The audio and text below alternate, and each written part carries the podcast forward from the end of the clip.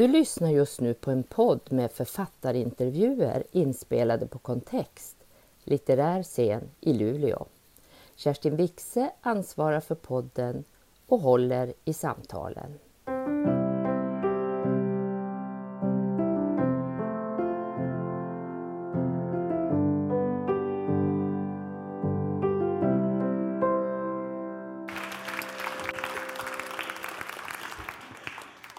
Håkan ska bara rigga sin mikrofon här.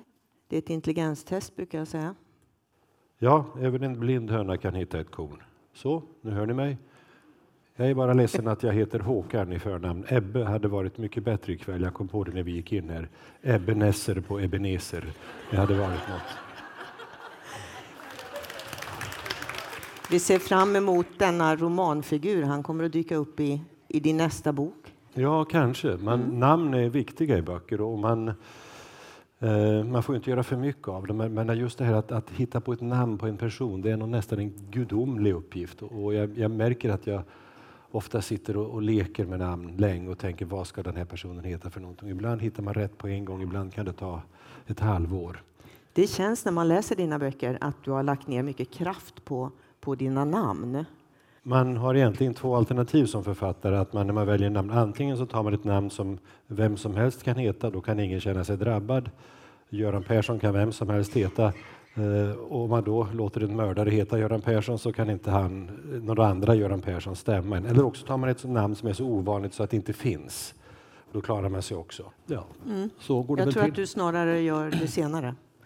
Ovanliga namn. Ja, kanske eh, det. Håkan, din författarkarriär har ju varit minst sagt framgångsrik. Eh, du säljer miljoner böcker över hela världen. Du ligger i bokhandlare på de, sådana länder som jag ibland besöker, Tyskland, Frankrike, så ser man där. Här ligger Håkan Esser i travar inne på affären. Du, 30 böcker nästan tror jag det är. Jag försökte räkna, jag vet inte om det är 30, men nästan 30. Ja, på Bonniers har man bytt nu. Förra boken stod det drygt 25 och nästa bok kommer att stå knappt 30. och så är också översatt till knappt 30 språk och håller på i nästan 30 år. Så att vi, vi flyttar fem steg varje gång med några års mellanrum. Vad är hemligheten med en sån enorm produktivitet? Ja, det vet jag inte. Det, jag skriver ju fort alltså, eftersom läshastigheten är det viktiga i böcker. Att, att uh, man ska hitta en rytm som man kan läsa i en behaglig rytm. Och för att hitta läsrytmen så måste man skriva i samma rytm som lika fort som man läser alltså. Och en bok Skriva läser... lika fort som man läser? Ja, egentligen skulle det vara idealet att man kunde göra det, för då har man rytmen är så viktig i språket. Mm. Och, men det, det, är ju inte skrivrytmen som är viktig, det är läsrytmen. Och då ska man, man, jag måste ha ett, ett kapitel om dagen egentligen, det, om det nu är fem, sju, tio sidor. Så, så om vi då består av, av 50 kapitel så är det bara 50 dagar och det är ju två månader. Men eh, Sen kan man göra pauser också, men det är faktiskt en bok om året minst sen jag började. Men det börjar ta slut kan jag väl säga. Det blir värre och värre för varje år. Jag menar, varje bok ska vara ny i någon mening. Det ska, vara, det ska vara en ny historia stöpt i en ny form och det blir ju inte enklare för varje ny bok. Så att jag har väl gjort det mesta. Jag har nog en, en kvar nästa år, det vet jag. Sen vet jag 17 om det blir något mera. Har du en sån där eh, lista som vissa författare har på färdiga titlar? Och... Nej, jag har ingen lista. Nej, jag har ingen lista. Men jag hade liksom böcker i huvudet för några år sedan som jag visste att det kunde jag skriva. Men nu har jag ingenting i huvudet vad det gäller böcker. Jag har ju annat i huvudet hoppas jag. Men, men jag har inga planer på några nya böcker. Men nästa år finns det en bok och sen så får vi se. Du, jag var inne på din eh, webbsida. Jag kallar den en runsten. Eller den vad heter det? Runsten? Ja, den är inte, den är inte, jag har inte Nej. skrivit något på ett par år tror jag. Nej, men precis. Det sista var 2014 tror jag. Eller, mm. då, I alla fall 2014 så skrev du så här. För att då upphörde du med att skriva såna här sommarkrönikor med mer lättsamma betraktelser. Och så skrev du så här. Nej, jag kan inte skriva om betande hästar och raukar och vidunderliga stilla sommarmånar när det känns som om världen står på randen till ett sammanbrott. Du tyckte verkligheten hade blivit för påträngande. Och sen dess, tänker jag, har du inte blivit bättre. Nej. Hur känner du idag? Nej, men jag känner att vi lever i en, jag är 65 år, jag kan inte minnas att, att jag har känt att vi lever under mörkare moln än vad vi gör idag. Och det känner ju alla likadant egentligen. Det är så mycket i världen som, som är hotfullt att vi kan tänka oss om, om, det, om vi har ett stort krig i Europa eller över hela världen om ett år så blir ju ingen egentligen förvånad för det, det, ser ju väldigt, väldigt mörkt ut. Och det var väl det som gjorde att jag inte kan sitta och skriva om trevliga kaniner på Gotland längre. Det känns liksom att det, det jag kan skriva böcker men sitta och skriva krönikor och alla tycker ju lika illa om de här. Vi är rädda för RP i Ryssland och vi är rädda för, I, för IS. Och, så att alla känner ju egentligen samma skräck och samma oro. Men jag, jag, jag kan inte skriva om det. Jag har ingenting att tillägga eh, till vad alla andra skriver om de här sakerna. Men det jag tänkte, alltså, hur reagerar den skrivande Håkan Esser? Att som person reagerar som förmodligen de flesta av oss gör. Mm. Men, eller det finns olika varianter. Men, men den skrivande personen, vad händer med, med den skrivande personen? Ja, det är lite svårt alltså för att det är ju, naturligtvis så är det det här man ska skriva om i våra dagar på något sätt. Vi ska Eh, vi borde skriva, författare borde ägna sig åt att skriva om de här svåra mörka sakerna och jag, jag kan det inte alltså. Jag respekterar, jag tycker om författare, jag tycker om att läsa om det. Jag, eh, jag läser Aleksejevitj just nu, det är fantastiska böcker om, om, situationen. Om vi tycker det är synd om oss i Sverige kan vi ju försöka titta hur man har haft det i Sovjet Ryssland under, under 1900-talet och framåt. Och den typen av litteratur känns ju tyngre och viktigare på något sätt än det jag håller på med. Sen kanske det behövs lite små trevliga ljus i mörkret också. Mm. Inte för att det har varit så mycket, ja, det har varit svarta ljus jag har skrivit i så fall. De, de, den här senaste boken, den är ju en ljus bok, den här senaste boken, men annars har jag ju harvat omkring i rätt mycket mörker också. Så nej, det blir inga inga politiska traktat, det kommer jag aldrig att skriva, inga politiska böcker. Jag kan inte. Nej, men du blir inte så där, nej nu får jag inte skriva sånt som jag tycker om att skriva. Du blir inte sån? Liksom. Nej, det blir det inte. Nej, jag, jag skriver, alltså, man måste ju skriva den bok man själv skulle vilja läsa hela tiden. Det är så. Det, och det kan ju hända att det behövs böcker som inte bara skriver om eländet utan det kan finnas andra böcker som är värda att läsa också förhoppningsvis. Jag, jag, är rätt säker på att många av dina läsare och inklusive människor i den här lokalen, vad roligt att ni är så många. Jag, vi ser er nästan inte för det är ljuset. Men eh, eh, vi vet att ni är här. Eh, ni har läst Van Veteren förstås och eh, Gunnar Barbarotti som du har skrivit flera böcker om. Och vi var ju många som följde Van Veteren på bio eller på mm. tv med Sven Wollter i huvudrollen och så vidare. Det här det här med att en gestalt ur dina romaner liksom följs upp av rörlig bild, var det en dröm för dig? Tycker du att det är roligt?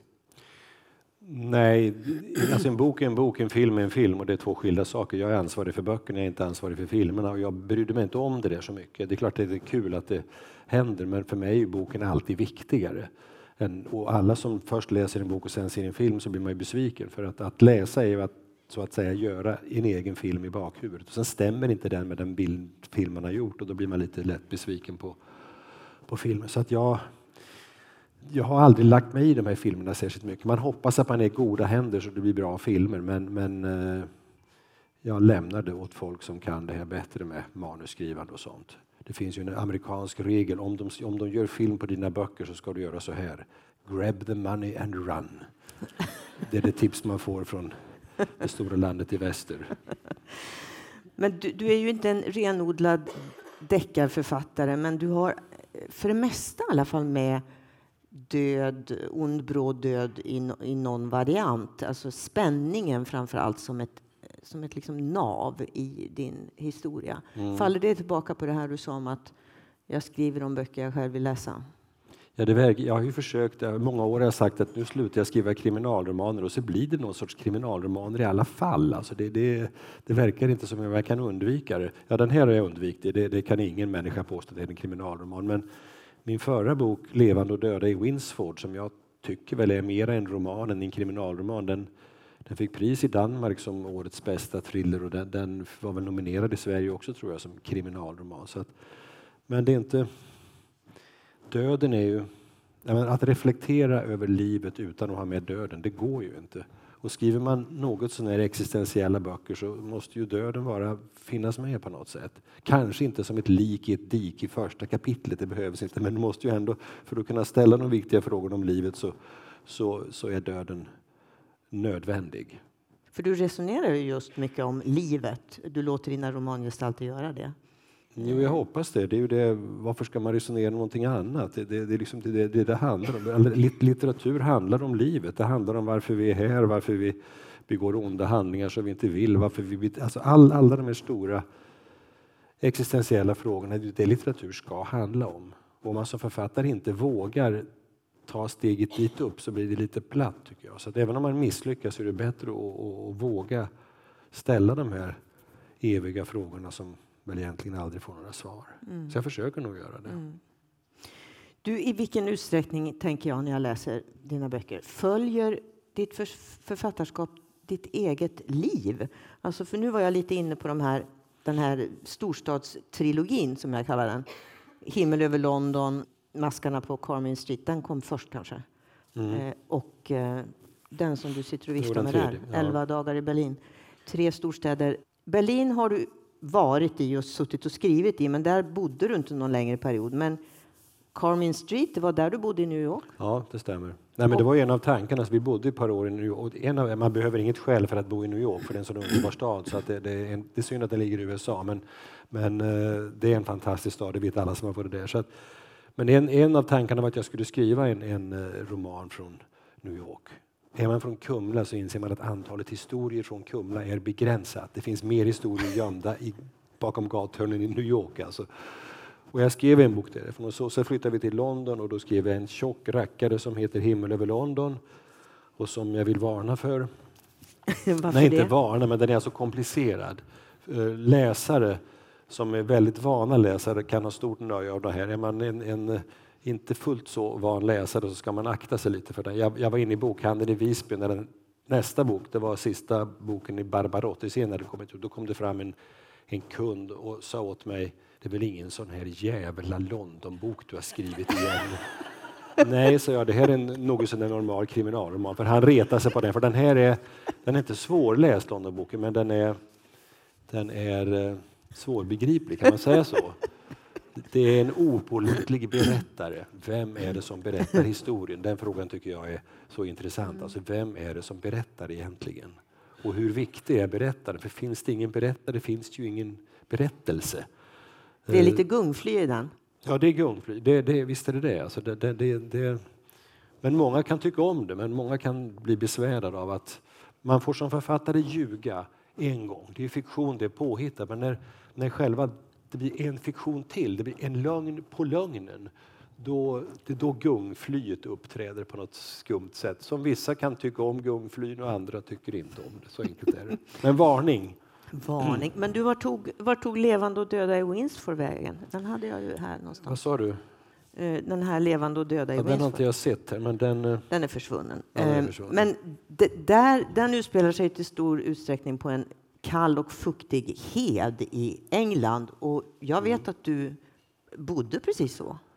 Jo, det var ju alltså, vad det gäller både New York-boken och London-boken, så då är att, att försöka förlägga, man måste ju ha nya berättelser, att byta spelplats, alltså att förlägga dem på nya platser gör ju att det blir någon sorts nytändning som det heter på, på modern svenska, att man, att man, eh, man hittar en berättelse.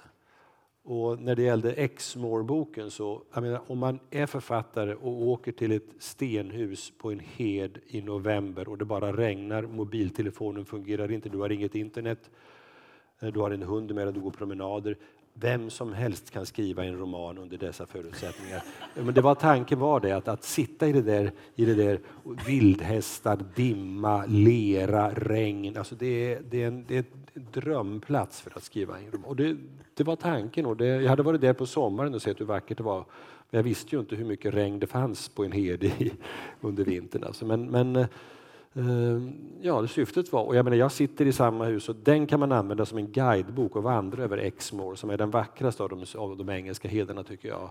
Dartmoor är mera berömd, det är det här med The Hound of the Baskerville, men Exmoor ligger högre. På en klar dag kan man se över Bristol Channel och man kan se bergen i Wales. Det är en klar dag inträffar ungefär en gång varannan månad kan man väl säga. Men det är vacker, otroligt vacker natur. Alltså. Det roliga för mig det var att jag, jag blev ju känd i byn i Winsford och folk frågade mig vem är du? Ja, jag är författare, jag bor i ett hus där uppe på heden alldeles ensam med min hund. Jag skriver böcker. Varför då? säger de. Eh, jo, men varför sitter du just där? Och jag kunde inte förklara det, men när får vi läsa den? frågade de. Ja, How is your Swedish? frågade jag. Och den var ju ganska dålig, då, så att jag tänkte, den kommer väl ut om 20 år när jag är död. Men det visade sig att mitt engelska förlag gav ut den här Winsford-boken redan Ettan kom ut i somras. Alltså. Så jag kunde gå tillbaka till den här byn och säga att jag är tillbaka och boken finns här på engelska. Och de var ju, jag försökte komma dit inkognito, alltså, men det gick inte. Ryktet hade, hade kommit före mig. Så att jag var på den här puben i, i Winsford och hade någon sorts litterärt gig där. Min förläggare från London var med och sa att det var det roligaste litterära evenemang hon har varit på någonsin. Alltså alla byborna var där, alla var jätteglada. Ingen hade läst boken så de kunde inte vara kritiska heller. Men vi hade med oss det, vi sålde vansinnigt mycket böcker och det handlar om deras by och det, och det var otroligt god stämning. Sista boken köptes av en extra kock i köket. Han var från Rumänien, han var 22 år gammal. Hans ordförråd på engelska var, låg på drygt 100, det var mest matsedeln han kunde. Han hade aldrig läst en bok i hela sitt liv, men han köpte det sista exet av The Living and the Dead in Winsford. Och jag har lovat att komma tillbaka och förhöra honom om tio år och se om han har läst boken. Apropå Winsford-boken. Ja. Det är en fantastisk metahistoria att tänka sig att hela befolkningen sitter och läser mm. den här boken eh, som ju verkligen också är en page-turner, för att tala engelska. Jag minns att Mikael Niemi berättade att han åkte buss någon gång när, när uh, Vittola-boken hade kommit ut och alla personer satt i bussen upp mot Pajala och hade en gul bok i handen och Mikael kände sig lite lätt orolig. Du, du, kan ju uttala, för du hade ju en hund och kvinnan i boken, eh, för du skriver kanske för första gången med en kvinnlig huvudperson i, i just Nej, jag har gjort det, men inte, det är en hel bok, men inte genomfört. Men det är första gången jag har, jag har det från sidan ett till hela vägen. Ja, just ja. Hon, går ju då, hon har ju då hund. Mm. Och du råkar ha en likadan hund. Ja, jag hade, han är tyvärr, han är tyvärr borta, Norton. Men Aha. hans memoarer kommer ut nästa år, författad av mig och honom. Han heter då Norton Kierkegaard, eh, hund och filosof. Så att, men jag har, han är i hundarnas himmel och den kommer ut nästa år. Eh, men vi hade en likadan hund, ja, en ridgeback. Ska du, ja, ska du säga eh, rasen? Ridge. Rhodesian ridgeback, okay. afrikansk lejonhund heter också. Nu ska jag förhöra dig på, um, för du har sagt så här att, att um, du kan inte börja skriva förrän uh, du har första meningen klar för dig. Kommer du ihåg hur den börjar? Den Winsford-boken. I förrgår bestämde jag mig för att överleva min hund. Ja, bravo. Jag klarade det. Och det var alltså den hunden. Ja, jag kan rekommendera den, jättespännande. Men vi ska återvända till eh, storstadstrilogin där. Har städer en själ, hör du? Ja, det kan man väl kanske kalla det i överförd betydelse. Det är väl inte samma sorts själ som vi människor har, antar jag. Men att en stämning är någonting som karaktäriserar en stad, det är klart att det, att det finns ja. det. Vissa städer åtminstone. New York har det ju absolut.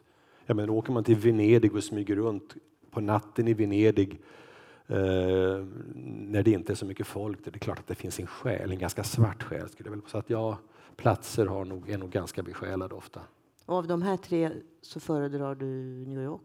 Ja, jag föredrar New York. Som, som, men som sagt, den, Problemet är att jag, USA har jag lite svårt för. Alltså, och ju, ju, längre man bodde i New York desto mer sipprade USA in i, i, New York på något vis. We should be our own country, säger de. We shouldn't belong to the US, we should be a uh, country of our own. Och det kan man hålla med om, för New York är så unikt på, och, och, människor är så vansinnigt trevliga och öppna och, och det är en så otroligt intressant, öppen stad verkligen.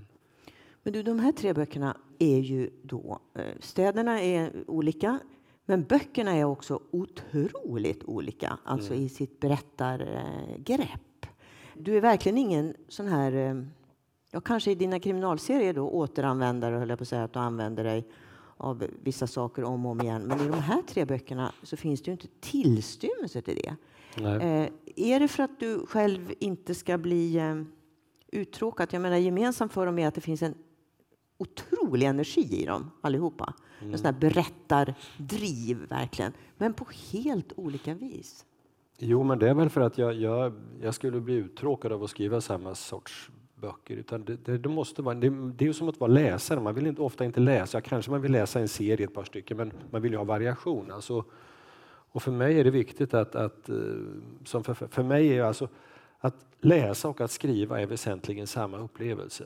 Det tar längre tid att få läsa böcker som man själv skriver, för man måste skriva dem först. Men, men alltså just det här att, att jag vill veta hur det ska gå för de här personerna. Jag vill veta vad som kommer att hända och vad har hänt och varför gör de så. Alla frågor som man ställer sig när man läser en bok ställer man sig ofta när man, också när man skriver en bok. Så att, så att upplevelsen läsa, skriva måste ligga nära varandra och därav också variationen. Man vill ju bli lite överraskad själv av det jag skriver. Men du, de här pusslen som är så typiska på något sätt för din berättarteknik, alltså ibland otroligt komplicerade intriger. Tycker du det? Ja, det tycker jag. Mm-hmm. Jag menar, har du tänkt ut dem i förväg?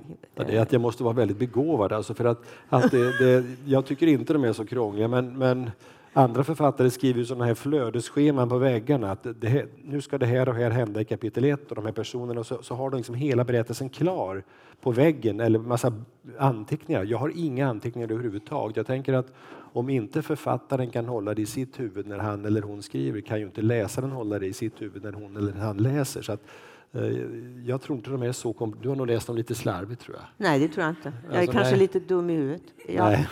Jag, nej, jag tror inte det. Ja, men jag tycker att det för, nej, men, för att jag menar, då tänker jag så här, men hur gör han? Har han tänkt ut det här? Det här måste han ju ha tänkt ut, kan jag tänka när jag läser några av dina böcker mm. i förväg. Det här greppet eller det här. Sen att du inte riktigt vet vad som händer emellan, men någon sorts... Eh, du har ju någon idé. Hur börjar du? Vad jo, är det som alltså- triggar alltså, ett berättargrepp? Det finns ju två, två ytterligheter av författare. Det finns de som bara säger att jag sätter två personer på ett café och så låter jag dem börja prata och sen rullar historien igång. Och de är liksom bara ett redskap för en högre makt. Och de, de vill ju mystifiera skrivandet på något vis. De ljuger vill jag påstå, för så här går det inte till. Det kan inte gå till så. Och så finns det de som planerar allting i detalj innan de börjar skriva, som vet exakt vad som ska hända i varje kapitel. Och jag är någonstans mitt emellan. Man har en idé ofta. Sen är det olika olika böcker också. Ibland måste jag veta rätt mycket om hur det ska sluta. Ibland kan det ju vara ganska öppet beroende på vilken sorts historia det är. Men det är just det här att, att det ska kunna hända saker under resans gång. Jag vet inte riktigt vad som ska hända. Det tror jag är viktigt. Jag tror det, alltså det är den kreativa processen. Om du skriver musik eller om du målar eller, eller gör du något kreativt så måste du ha de här fönstren och dörrarna i skallen öppna för att ta emot impulser medan du jobbar. Det blir skojigare att hålla på med det då. Att, kan det här, skulle det här kunna hända nu, tänker man. Ja, faktiskt, det hänger ihop med historien. Och så tar man in det då. Det blir en mer spännande process att skriva om, om man har det så pass öppet. Men att göra det helt utan plan, då, då, då det kan finnas sådana historier, men också är du extremt genial och har tur för att få det råd i land, tror jag. Men du, jag kan väl identifiera en rad spår i de här senaste romanerna i alla fall som, som eh, intresserar dig, skulle jag ju då kunna påstå. Till exempel Parallella liv. Mm. Och sen den här leken med, eller grubbleriet eller intresset för fiktion och verklighet. Skulle du mm. hålla med mig om, om detta? Berättandet i sig alltså? Jo, men alltså det är väl i gränslandet mellan fiktion och verklighet som all litteratur utspelar sig. Det är ju, så är det ju. Om, om vi kallar det för en gråzon, det här är inte verklighet, men det skulle kunna vara verklighet. Eller det skulle kunna vara bara fiktion. Men det är ju det som böcker handlar om. Det är ju berättelser som de är inte är sanna, men de skulle kunna vara så. Det skulle kunna hända. Och när man tappar det här att de, de blir om det vore så att de, de, de vore alltför fantasirika, det här skulle inte kunna hända, då tappar man ju som läsare, de flesta läsare tappar böckerna då. Du måste ju tro att det här är ändå en historia som, jag vet att det inte är sant, men det, jag vet att det är fiktion, men det liknar verkligheten väldigt mycket. Det är ju det, det är ju på, på den spelplanen som, som nästan all litteratur utspelar sig. Du skriver där i Himmel över London någonting om den här tunna linjen mellan fiktion och verklighet. Vad menar du med det då egentligen? Ja, det vet jag inte riktigt, men det är ju en tunn, visst är det en tunn linje. Är detta, vad är skillnaden mellan när man är, när man är drömmer eller är vaken? Är det så jäkla stor skillnad egentligen? Alltså det, och jag hoppas att det är så att, för, för om, inte, om det inte är en tunn linje mellan verklighet och fantasi, då, då, eller verklighet och fiktion, då är ju, vad har vi då fantasin till? Alltså att det är ju, menar, vi lever ju våra liv i våra huvuden. Det är ju det som är, vi, vi, vi är ju, det är ju hur vi tänker, hur vi uppfattar världen, hur vi hur vi får ihop världen, hur vi gör, skapar någon sorts struktur i kaos. Det är ju det som är att leva överhuvudtaget. Och är det är min berättelse om livet, är det fiktion? Eller, det är inte samma som din berättelse om livet. Är det, är det fiktion eller verklighet? Nu är det här så komplicerat så jag skulle vilja be min hund Norton Kierkegaard om hjälp för att kunna dra vidare det här svåra. Men nästa fråga nej, istället. Nej, vi tar, jag tycker vi ska in i den här frågan. Alltså, ja, minsann. Nej, men Alltså i, i, i den där Londonboken som du varnar så mycket för, där kommer ju romanens gestalter, ja, alltså det här blir så här metaspråk, men de kommer ju till liv genom att de skrivs kan man väl säga då, mm. på sätt och vis. Och då tar de plats i våra liv och börjar betyda någonting för oss. Och då tänker jag att den som har skapat de här gestalterna måste ju de här romanfigurerna betyda ännu mer för. Med tanke på hur många böcker du har skrivit. Vilken plats tar de i ditt liv? Fikar du med dem? Liksom? Äter du frukost med dem? Dyker de upp? Ja, fan veteren ringer jag en gång i månaden till Mardam och han svarar motvilligt. Han sitter i sitt antikvariat och jag mm. frågar, det, det, finns ett litet tryck från Sverige på att jag ska skriva en till bok om van Veteren. I helvete heller, säger van Veteren på sin brutna holländska då. Uh, du får inte skriva några fler böcker om mig, jag har det gott på mitt antikvariat. Så det har vi det förhållandet. Barbarotti har jag skickat iväg till Italien, eh, men det är flera år sedan så jag vet inte vad som hände efter det riktigt. Men, men eh, honom har jag ingen kontakt med alls. Du har brutit med honom? Ja, brutit med honom, det har jag gjort. Är det någon du äter frukost med?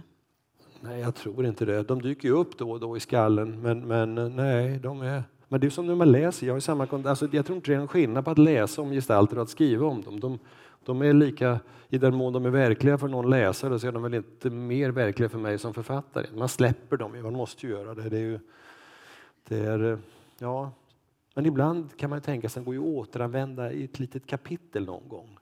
Att, tänk om man skriver en roman och så behöver jag en kriminalkommissarie från ett nordeuropeiskt land.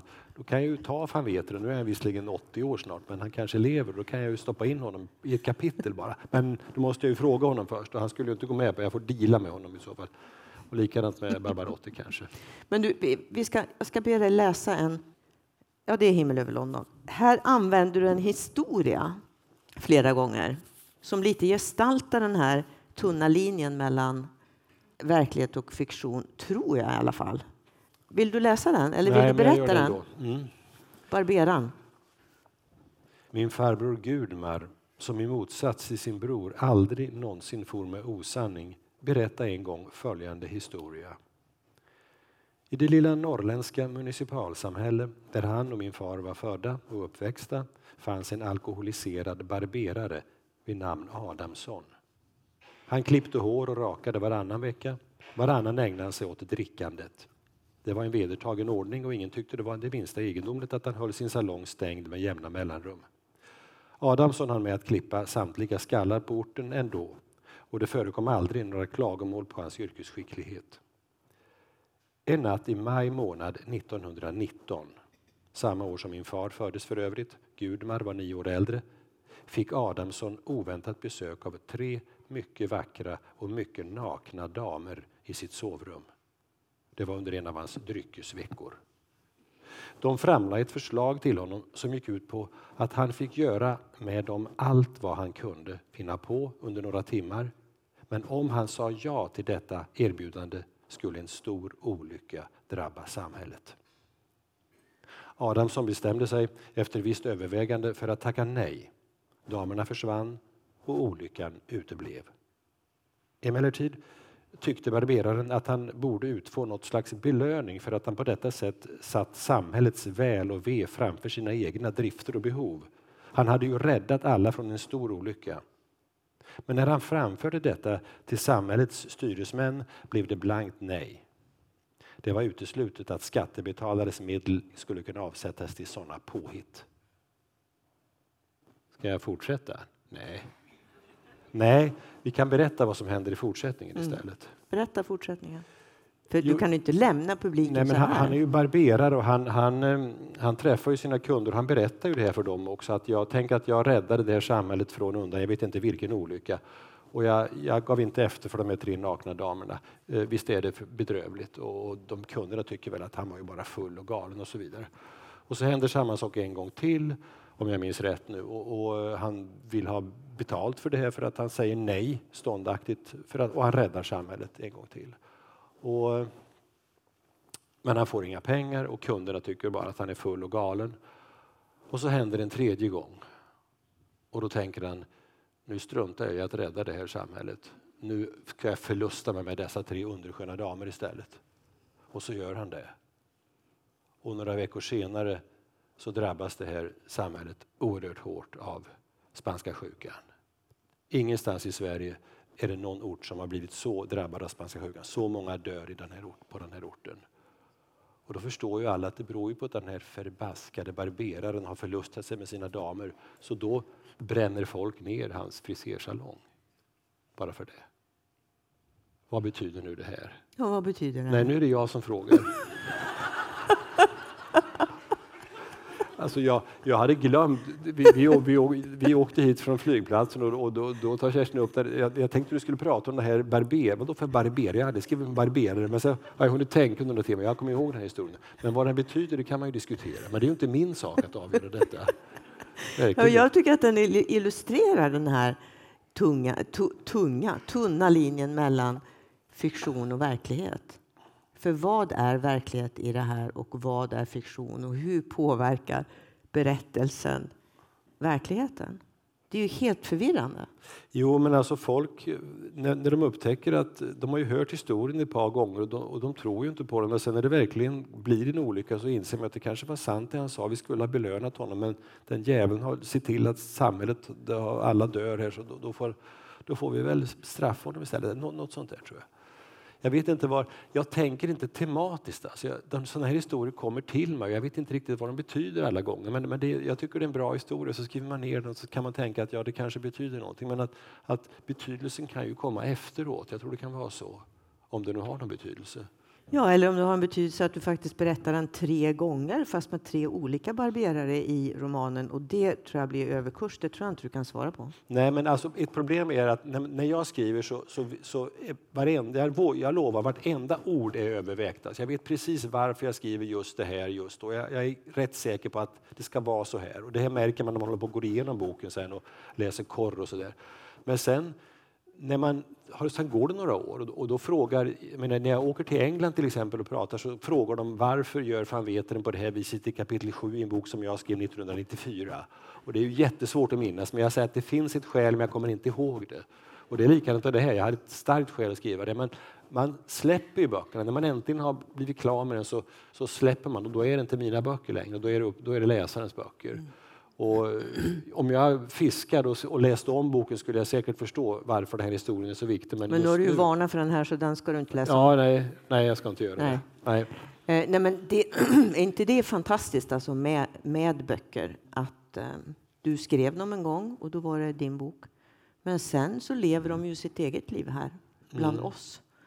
Och eh, jo, gamla jag, böcker läses och inte bara nya böcker. Jag tänker mig jag tänker mig alltså att, att ett, en bok är ett samtal mellan två personer. Det är en författare och en läsare. Sen kan ju läsarantalet multipliceras och sen kan ju inte läsaren säga mycket. Det är inte mycket till samtal, men läsaren har ändå makten för läsaren kan stänga boken och lägga bort den och då dör samtalet. Men när jag läser själv, så, men när jag läser Alexejevitj nu, då känner jag att här sitter en kvinna i Minsk i sitt höghus och skriver de här fantastiska berättelserna om vad som har hänt i Sovjet. Och det är hon som berättar för mig. Gärna att man föreställer sig ett, glas, ett bord med ett glas portvin och en bras. Jag, jag vill ha den här inbildningen att det är faktiskt ett samtal mellan två personer. Jag har, jag har till och med svårt med författare som skriver i par. För jag vill att det ska vara en röst, inte flera. Eller ännu värre är att det här är en bok, det är en berättelse, men vem har skrivit den? Då känner jag att nej, då har jag svårt att läsa den. Jag vill veta att det här är den eller den eller den författaren som har skrivit det här och talar direkt till mig. Så så upplever jag läsandet. Alltså. Och, och, det kanske, jag vet inte om andra upplever det så också. Sen är det ju konstigt att man jag menar, min, min senaste översättning översätts till språket malayalam. Är det några här inne som talar malayalam? Är det någon som vet var, det, var man talar malayalam? Ja. ja. Indien. Marathi, samma land. Tamil, bengali. Det är Indien, alltså det är Kerala-provinsen i Indien. Det, var, det blir fem översättningar till fem indiska språk. Jag var där i januari. Och jag tänker, det sitter en liten indier och läser första Fanveteren-boken på malayalam. Det känns ju jättekonstigt, men det är ändå, de läser ju samma historia ändå. Sen ska man veta att de här fem indiska språken talas av 750 miljoner människor. Svenskan är inget världsspråk. Har man bott i New York så märker man det. Jag, jag minns ju alltså när, när, man talar om att man kommer från Sverige, då, då blandar de alltid ihop. Jaha, det är alper och klockor och choklad. Säger Nej, det är Switzerland, säger man då. Och sen så får man förklara att det finns ett land som heter Sverige som ligger långt norrut i Europa. Jag minns en historia, ni kan kanske har dragit den för, för någon som har lyssnat. Det jag träffade en dam på gatan och jag förklarade var Sverige låg och då sa hon And do you have your own language too? Ja, så jag, vi har vårt eget språk. Och då säger hon Oh, how cute. Hon tycker alltså att åh, ett litet land som finns där uppe och de har till och med ett eget språk, det är så sött. Så vi känner, man känner sig som ett mycket litet husdjur ungefär. Det är vad vi i Sverige är på världskartan. Men det, det är så lustigt, det där språket du nämner, för det ser jag framför mig. För jag har varit i Indien en gång och då mm. besökte vi en radiostation som eh, sände på det här språket. På malayalam? Ja, och det var så otroligt vackert språk. Det är alldeles runt. Har du sett det skrivet? Nej. Det, det är så vackert, runda bokstäver. Men det som var speciellt var, för de sände på olika språk där, på ja. den där stationen. Men just det språket hade de ingen skrivmaskin för. Så de manusen skrev de för hand runt så här. Så det är en textade böcker på eh, malayalam? Text, ja, de kommer texta dina böcker. Aj, Dessutom var... är det en palindrom. Man kan läsa det bakifrån. Malayalam, malayalam, ja. det blir likadant. det, är runt språk. Fantastiskt vackert ja. språk. Du, New York, um, nu ska bli det förhör igen. Hur börjar den här boken, Maskarna på Carmen Street? Kommer du ihåg det? Ja, den la jag ner lite. Vi kom till New York med fyra fullpackade koffertar och två tomma hjärtan. Ja. Tror jag. Vad var startskottet till den berättelsen? Ett par kommer till New York, mm. till den stad där deras dotter ja, de har, försvunnit. En dotter har försvunnit i, i Europa någonstans och de, de, de, kommer inte vidare med det. Förmodligen är hon ju död, men de, de kommer inte vidare med sina liv. De bestämmer sig för att börja om någonstans. De flyttar till New York. Men den här dottern hänger ju över dem. Jag vet att jag har stulit det här från, det fanns en fantastisk film som heter Don't look now med Donald Sutherland Eh, som också handlar om ett par som har förlorat sin dotter i drunkningsolycka i England någonstans. Donald Sutherland och Judy Christie tror jag det är. Och det är Venedig. Vansinnigt otäck och bra film. Så att den idén med att det, ska, det, är en, det är ett barn som har försvunnit, det är ju ingen originell bokidé på något vis. Men jag vet att jag tänkte på den här, jag hade den i bakhuvudet när jag började. Men det är en väldigt spännande bok. Här förekommer ju en del parapsykologi, spå, spåkvinnor, eller en i alla fall, förutsägelser, mystiska förlopp och lite annat. Och det här oförklarliga är naturligtvis en, en ovärderlig ingrediens i en berättelse. Det är o, liksom det okända med stort O. Mm. Eh, det inspirerar uppenbarligen dig. Var hämtar du inspiration Jo, men det, allting behöver kanske inte förklaras i böcker. När, när en bok slutar med en väldig rosett och alltihopa är färdigt och man förstår. Jag menar, normalt sett i en kriminalroman så är det ju frågetecken i halva boken och så är det utropstecken i andra halvan. Man löser alla, alla frågor så att säga. Eh, och det kanske är i vanliga romaner också. Att man, man, man, det är några frågetecken i början på boken och sen ska de rätas ut så småningom. Mm. Men man mm. kanske inte behöver man kanske inte ska ge svar på allting som författare. Man måste lämna saker och ting till läsaren. Och inte bara för att författaren själv inte kunde räta ut sitt frågetecken utan det kan finnas andra bättre skäl till det också tror jag. jag det finns oförklarligheter i livet, det vet vi. att det går, Vi kan inte förklara saker och ting. Vi kan försöka och vi kan närma oss det men, men det finns saker som vi aldrig någonsin får grepp om. Och då kan vi få plats för det i böcker också. Mm. Du roar dig liksom också med att um, lägga liksom, pussel för läsaren kan man säga, eller lite trådar. Ja, i, i, på olika sätt. Det, det verkar roa dig oerhört mycket. Om man är Nesse-nörd så kan man ju hitta de här blinkningarna och pusselbitarna och roa sig med sånt. Tänker jag. jag tänker till exempel på Berlinboken. Mm. Där är det en sån där liten sak bara som att en av personerna, den galna professorn, är intagen på ett mentalsjukhus som ligger var då? Ja, det ligger i Mardam, tror jag. Och vem brukar vara i Mardam? Jo, jag tror det heter Majorna. Det, det, I min första bok om Fameteren så tror jag det sjukhuset finns med också. Det, det är samma sjukhus fast det är en psykiatrisk, jo det är en psykiatrisk, det är ett psykiatriskt sjukhus rakt igenom förresten. Så det stämmer. Jo, man kan återanvända saker. Det, saker kan dyka upp i flera böcker. Ja, det är rätt roligt om man har läst många av dina böcker så så skrockar man till när det där händer. Det, blir, det ja. gungar till lite grann, för det går ju in i varandra. Och jag tänker på... Men så blinkar det ju till andra också. Jag tänker på figuren Kala i Himmel över mm. London. Då tänker man på John le Carré. Alltså det är ju bra om man kan, jag menar, det kostar ingenting med sådana här blinkningar. I Närke påstår man, jag är född i Kumla, att det finns, det finns en Kumla-nivå i alla böcker. Om man är från Kumla så förstår man böckerna bättre. Vilket jag är glad över för kumlingarnas skull. Alltså, annars fanns det något som hette på min tid när man, jag var lärare att en Örebro-fråga. Det är en fråga som är så enkel så vem som helst kan besvara den. Och Kumla-blinkningen är motsatsen. Alltså. Eh, vad, vad var vi pratade om? Jag vet inte. Om blinkningar. Men ska du, innan vi börjar prata om Berlin, ska du ta och läsa lite så vi förstår? För det här är då ett helt nytt, skulle jag säga, Nesser-berättargrepp, verkligen. Mm. En sån där bok har du aldrig skrivit förut. Nej, det har jag verkligen inte. Så att ni som inte har läst den så kan ni få höra lite grann hur det I huvudrollen har vi alltså en, en man i när boken börjar. Han är drygt 30, ja, 30 års ålder, lite drygt. Han heter Arne Murberg. Han var normal fram till 12 års ålder ungefär då han råkade göra en dumhet i en badolycka råkade ut för. Jag vet att vi gjorde det här i Närke som mandomsprov.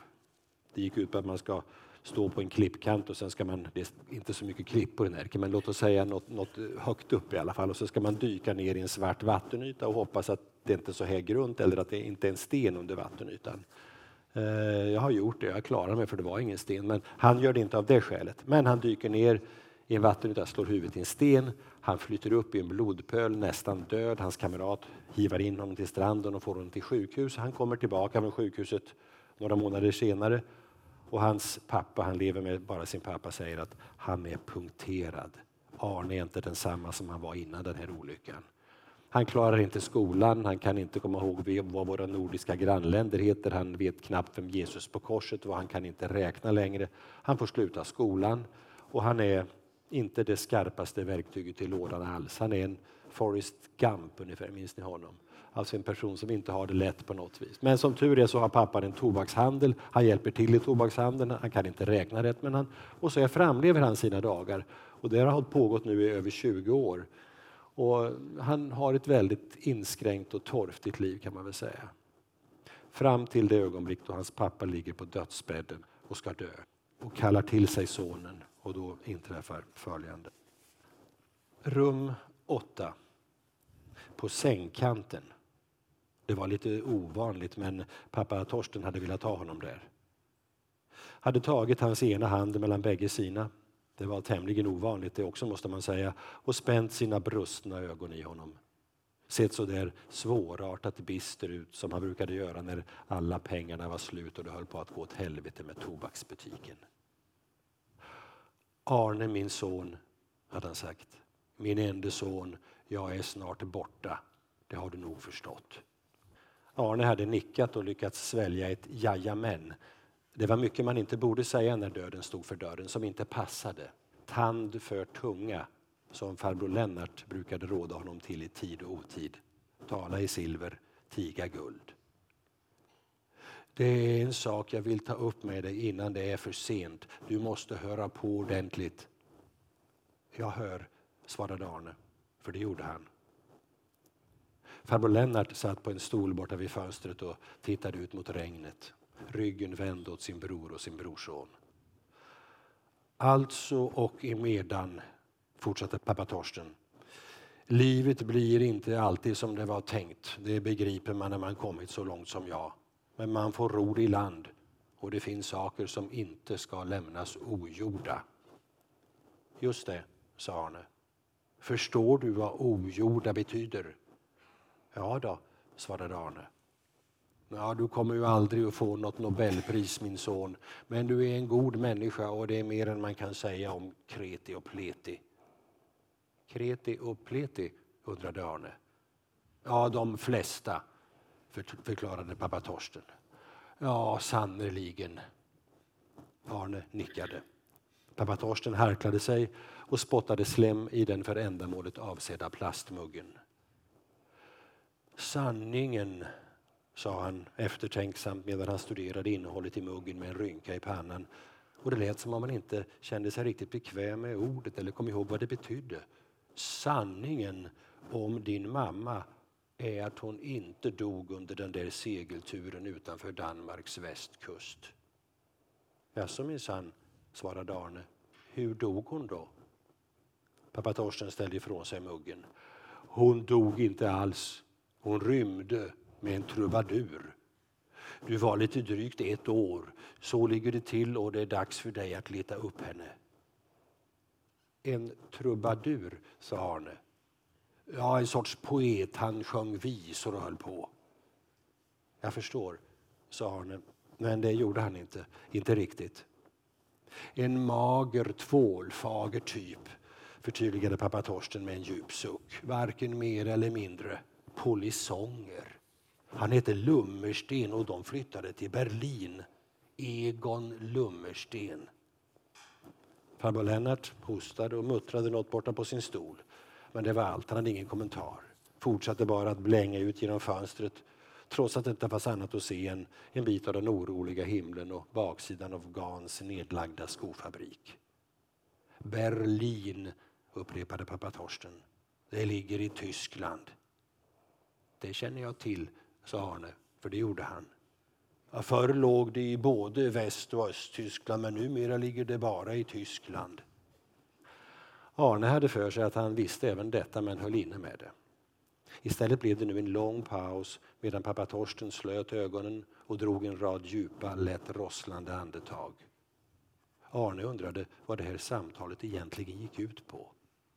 Farbror Lennart tog upp sin mobiltelefon och stirrade på den en stund. 103-åringen Grönberg bakom skärmen borta vid dörren släppte väder och grymtade belåtet i sin eviga sömn. Farbror Lennart hade förklarat att han pratade med sig själv på det viset, bakdelen med framdelen. Det hände att gamla människor ägnade sig åt sånt i brist på bättre. Pappa Torsten slog upp ögonen och tog ett fastare grepp om sin sons hand. Leta upp henne, sa han. Du ska leta upp din mor i Berlin. Det är det uppdrag jag ger dig, min son. Ja, men hur, sa Arne. Leta upp henne. Jag hör det. Jag har hennes adress. Den står i mitt anteckningsblock i lådan i nattduksbordet. Den gamla röda med gummiband om. Ja, det kan förstås hända att hon flyttat, men det får inte hindra dig. Trubaduren är död i alla händelser. Han ramlade ner från en balkong när han var på fyllan. Det har jag från säker källa. Så kan det gå, sa Arne. Det är en sak du ska överlämna till din mamma. Det ligger i samma låda som anteckningsblocket. Det är en liten ask. Lova att du gör det här när jag är borta.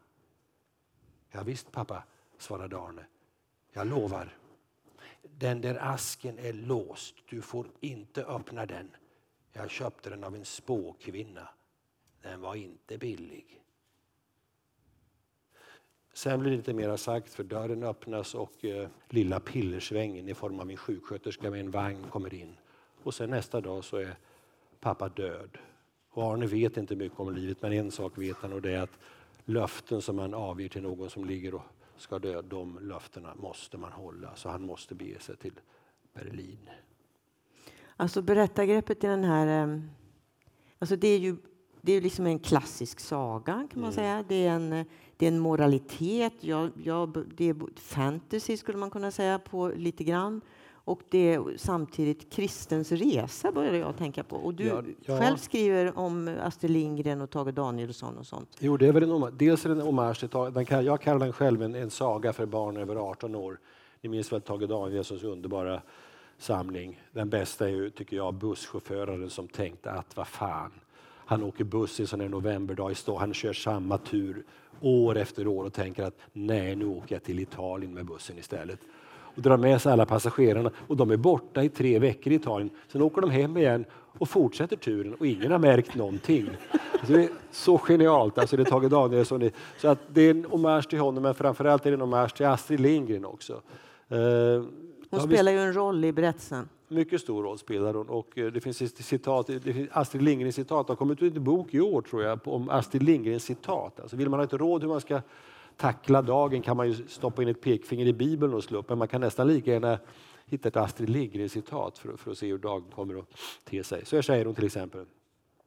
Något budskap har jag inte, men jag vill gärna sprida en allmän tolerans för mänskligt vansinne. Astrid Lindgren. Visst är det skönt? Ja, det är låt, oss, låt dårarna leva på något sätt så, så mår vi bättre allihopa. Du, det där att ha en så här eh, lite naiv, storögd och inte så himla bright huvudperson, det gör ju någonting med berättelsen.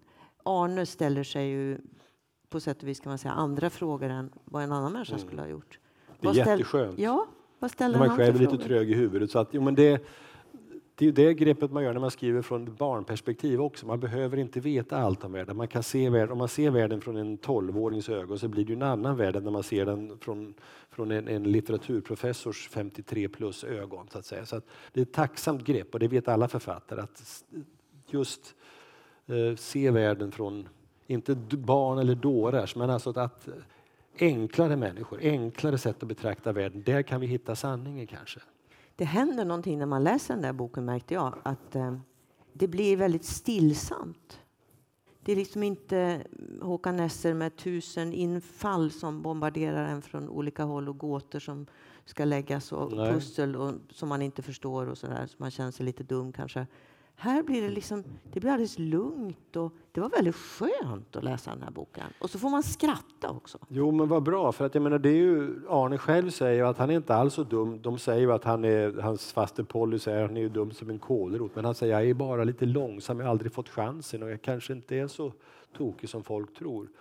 Och han kanske, ja ska han klara sig i Berlin? Vore det här en kriminalroman så skulle han vara död i kapitel två, alltså så naiv som han är. Men, men trots allt, även om världen ser väldigt mörk ut så är det ju så att om man kommer till ett, till ett främmande land och ber om hjälp så får man ju hjälp i nio fall av tio. Folk är ju vänliga, de flesta är ju goda, man hjälper ju varandra. Och det, tack och lov för Arnes del så är det ju så även i Berlin, så han klarar sig ju bättre än man kanske skulle kunna förvänta sig. Sen har du rätt kul när du skojar med tyskan. Så han försöker lära sig tyska faktiskt innan Ja, han som tur är så har ju hans farbror Lennart läst tyska i kommunala realskolan i K på 60-talet. Så han, han undervisar, han har ju inget vidare ordförråd. Så att hans tyska är ju inte så bra. Den har kommit ut på tyska nu. Jag tycker synd om Paul Berf, min tyska översättare. Hur skriver man rolig felaktig tyska på tyska? Alltså det går inte riktigt, men han har ju tydligen grejat det rätt bra tror jag. Eh, Men han, nej, han är, det är lite begränsat och det gör det svårt. Men han är ju som en turist, en väldigt naiv turist i Berlin. Man kan ju inte ha den här boken som en guidebok till Berlin. Det kan man man kan ha Winsford-boken som en guide över Exmouth. Det här är ju, ja, gatorna och sånt stämmer men, men Berlin har ju en väldigt mörk och otäck historia i många avseenden. Men eh, den här är ju en ljusbok. Det finns ju en galen vetenskapsman och han är ju livsfarlig men, men det är ju mera, Det ordnar sig. det ordnar sig kanske. Ja. Ja, alltså, ty, du tycker om kartor, va? Det är mycket, han skriver om, Håkan Nesser, kartorna i vissa av de här lite grann. Varför gör du det? Vadå? Det står någonstans att du har dragit om gatnätet på några ställen här. Jo, men jag har väl... Det, det, det är ett hus där till exempel en galen vetenskapsman bor. Jag kan ju inte ha en exakt adress som finns för det kanske det bor någon person som råkar läsa boken och då blir man stämd. Så att, det med det så, man, man kan inte ha ett korrekt, man kan ha en korrekt gata men du får inte ha du får inte ha en lägenhet som verkligen existerar där det bor någon stackare utan du måste, ju, du måste börja ljuga någonstans. Så att jag har ju sagt att eh, den här, någon adress på ja, Fasanenstraße, ett hotell där han bor också, så det, det finns inte. Så, eh, men annars är det nästan, det är rätt mycket korrekt i den här boken. Och så finns Perry Mason med också. Ni minns Perry Mason, många av er som är i min ålder. De som är så unga så de inte minns honom, det är ju synd om er, men det går väl att få tag på. Alltså det är, Perry Mason är ju den, den smartaste försvarsadvokat som någonsin har funnits. Han fick det på 60-talet i svensk tv och jag tyckte han var så bra. Alltså rättegången pågår, i sista minuten kommer alltid Perry eller hans medhjälpare in och, och, och så han som är alltid falskt anklagad blir fri och sen mördaren sitter istället någon annanstans i rättssalen. Alltså jag lärde mig ju eng de första engelska man kunde, det var ju liksom inte house tree utan det var liksom Uh, objection, objection sustained, overruled, your cross examination, no further questions. Det kunde, eller hur? Man kunde det här alltså. Och I det här fallet så är det så att, att uh, Det här är ju, alltså han är ju född 1980 ungefär, ungefär, Arne, men hans pappa har köpt en, på auktion en hel låda med gamla Perry Mason-avsnitt.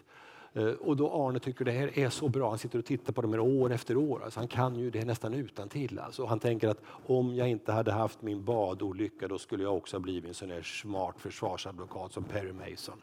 Men han har Perry Mason inne i huvudet som en sån här vad heter han, Molgan, Alfons Åberg, låtsaskamrat. Alltså. Så ibland när Arne har problem då frågar han inåt i huvudet, hur skulle du göra Perry om du vore i min situation? Och då använder sig den smarta Perry Mason av den sokratiska förlossningskonsten. Sokrates, den första filosofen, när han fick frågor så han vet att svaret på frågan finns inuti frågeställaren. Så han bara hade en sorts bollplank så att då kommer Arne på svaret själv. Och han har ju nytta av att ha Perry som är sig i Berlin. Nu måste jag berätta bara en liten episod. Det går alltid bra när han frågar Perry så då får han hjälp och då löser han problemen.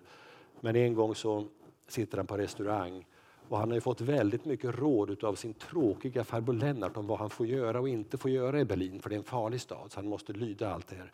Och ett råd är alltså, du får inte dricka alkohol. Kom ihåg det, alkohol passar inte i din kropp, Arne, har farbror Lennart sagt. Speciellt tyskt öl. Det är lömskt, det är gott, men det är farligt.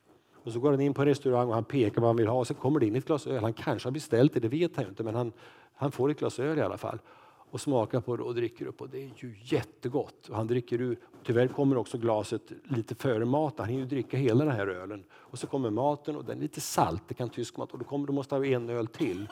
Så han dricker då så beställer han en tredje öl. Och så, han mår ju jättebra och han tycker att farbror Lennart han vet inte vad han pratar om. Det här är ju gott och nyttigt, jag mår kanonbra, det känner jag. Och så tänker han, vad synd att inte Perry Mason sitter på andra sidan bordet nu för då skulle jag kunna bjuda Perry på en öl vad kul det skulle, skulle vi kunna prata. Men jag kan ju låtsas att han sitter där, lika väl som jag har honom in i skallen. Och sen när servitrisen kommer förbi, då lyckas han beställa på väldigt bra tyska. Zwei Bier bitte, ein für mich und ein für Perry. hon ser ju ingen Perry, men han får i alla fall in två öl till. Alltså. Och så får han ju dricka Perrys också. Den kvällen blev eh, lite besvärlig. Det, det, blir lite krång, det blir krångligt sen. Ja. Mm. Men annars är Perry till stor nytta. Du, den här boken, det, var, det är lite grann, jag läste ju recensionerna av den här i lite olika eh, och en del var ju jättearga på dig för att du hade skrivit den här och andra hade väldigt roligt. Jonas Tente var väldigt arg i DN. Ja, han var väldigt ja, arg. Han påstod att jag hade skrivit den när jag borstade tänderna, men jag tror att det var Tente som hade skrivit sin recension när han gjorde något annat på toaletten. Förstoppning. Nej, men jag, tänker, jag, jag, tänker att det var lite, det var, läsa några av de där recensionerna, det var som att ungefär säga så här, nej, nu har du skrivit såna här och såna här böcker så länge och hur understår du dig att försöka skriva något helt annat? Mm. Det var lite så. Ja, det var väl det. det var, nu ska man läsa en, en kriminalroman tror man och så kommer det något annat och då blir man ju besviken. Men det, jag menar, om man betalar biljetter för att gå in på konståkning och det visar sig vara handboll så blir man ju förbannad. ja, precis. Ja, ungefär så. Alltså jag, mm. jag skrattade högt. Alltså det är sällan, tycker jag, när man läser en bok att man ni vet så här, när man är för sig själv där med portvinet mm. eller inte portvinet och sen läser man tyst och sen hör man sig själv skratta så där omedelbart och högt. Det händer flera gånger i den här boken. Ja, men vad bra. Det var väldigt roligt. Det, det, ja. Man, när man får bli så där lite naiv och, ja. och barnslig. Det är underbart faktiskt. Härligt. Ska vi gå tillbaka till det här med eh, fiktionen och verkligheten? Vi måste ta den här också. Paula Polanski heter författaren. Straff. Ja. Så står det så här i översättning av Håkan Nesser. Jo, jo, den här har du skrivit själv. Nej, men det, nej. det finns många som påstår det. Alltså, ja. Men nej, det, så är det inte. Jag har översatt en bok av Paula Polanski som, som eh, hon heter något annat egentligen förstås och hon, hon, eh, hon bad mig göra detta. Först via mail och jag tackade nej. Nu är från tyska så jag kan ju inte tyska så, det är ingen bra idé. Men, men hon, hon var envisad så, så kom hon till Sverige och gav mig ett manuskript och jag började försöka översätta. Jag har ju läst tyska några år på, i skolan så jag, jag lyckades översätta hela boken Straff. Och, eh, Ehm, sen gav Bonniers ut den, för de tyckte också, jag tycker det är en fantastiskt bra historia. Det får man ju säga när man inte skriver den själv. Alltså. Men, men, det var ju, och jag hade fria händer, sa hon också. Det, det var, ibland var det ju så att det liknade mitt språk väldigt mycket. Alltså, någon, en recensent skrev, sällan har en eh, författare varit så påverkad av sin översättare. Men hon har ju alltså läst mina böcker och tycker om dem och har lånat mitt landskap. Så att det, det det finns de som påstår att jag själv har skrivit den, men så är det alltså inte. Nej, det, och Mardam är ju med där också. Var det, tillhörde de här fria händerna? Nej, men hon, hon, har ju liksom, hon har ju liksom plagierat mig på något sätt. Det, en intressant sak är att den finns också ute på tyska, men då är den, för när jag var klar med översättningen så vad ska jag göra nu? Jag ringde henne och frågade vad ska jag skicka tillbaka mitt tyska manus så skickar du in boken till Bonniers för att se om de ger ut den. Och det gjorde de och då hade vi, det fanns inget manus kvar. Så när boken kom ut på tyska så är den återöversatt till tyska från min svenska översättning. Där hade du riktigt tråkigt. Ja, det är roligt. Du, fiktionen i vår tid, um, för att återvända lite.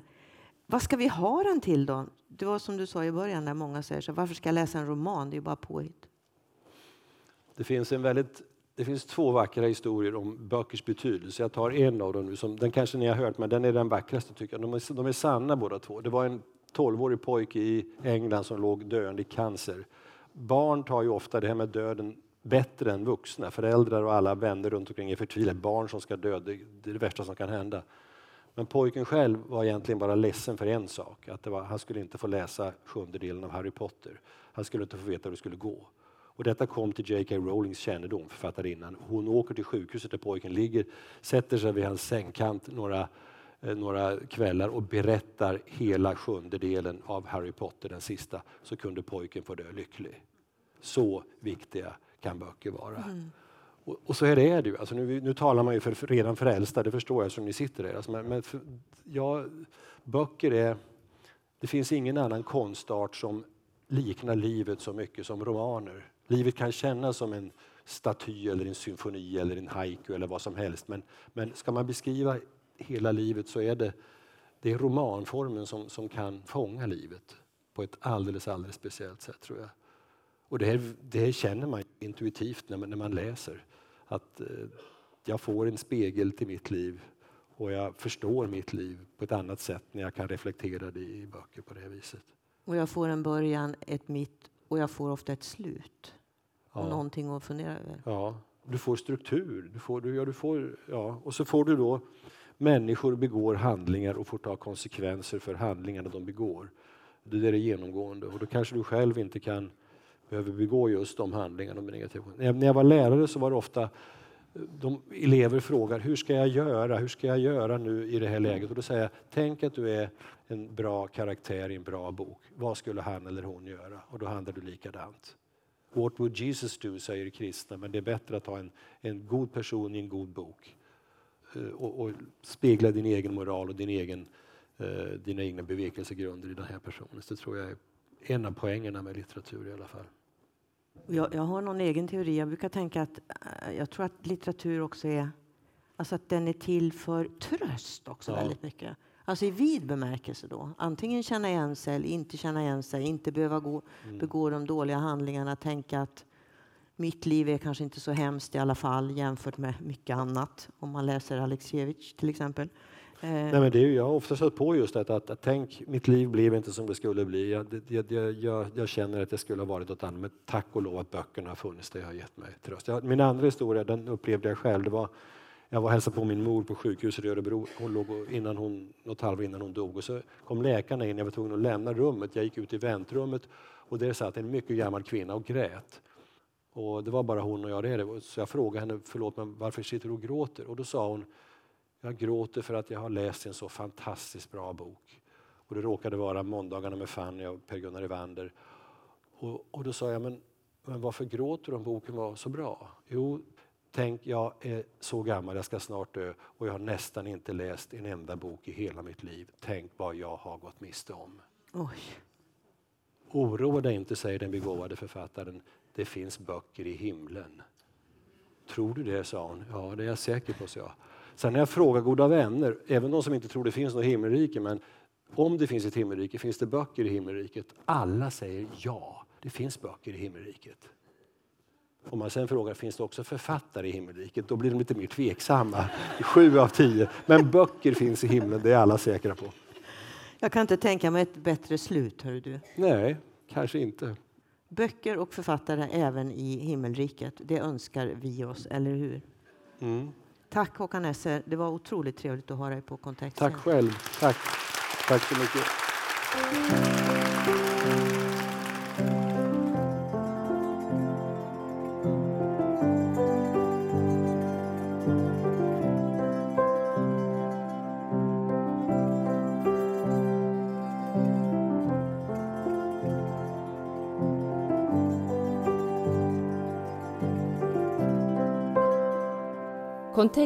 Podden produceras med stöd av Region Norrbotten och i samarbete med Kontext, litterär scen i Luleå. Författarscenen drivs med hjälp av Statens kulturråd och Luleå kommun.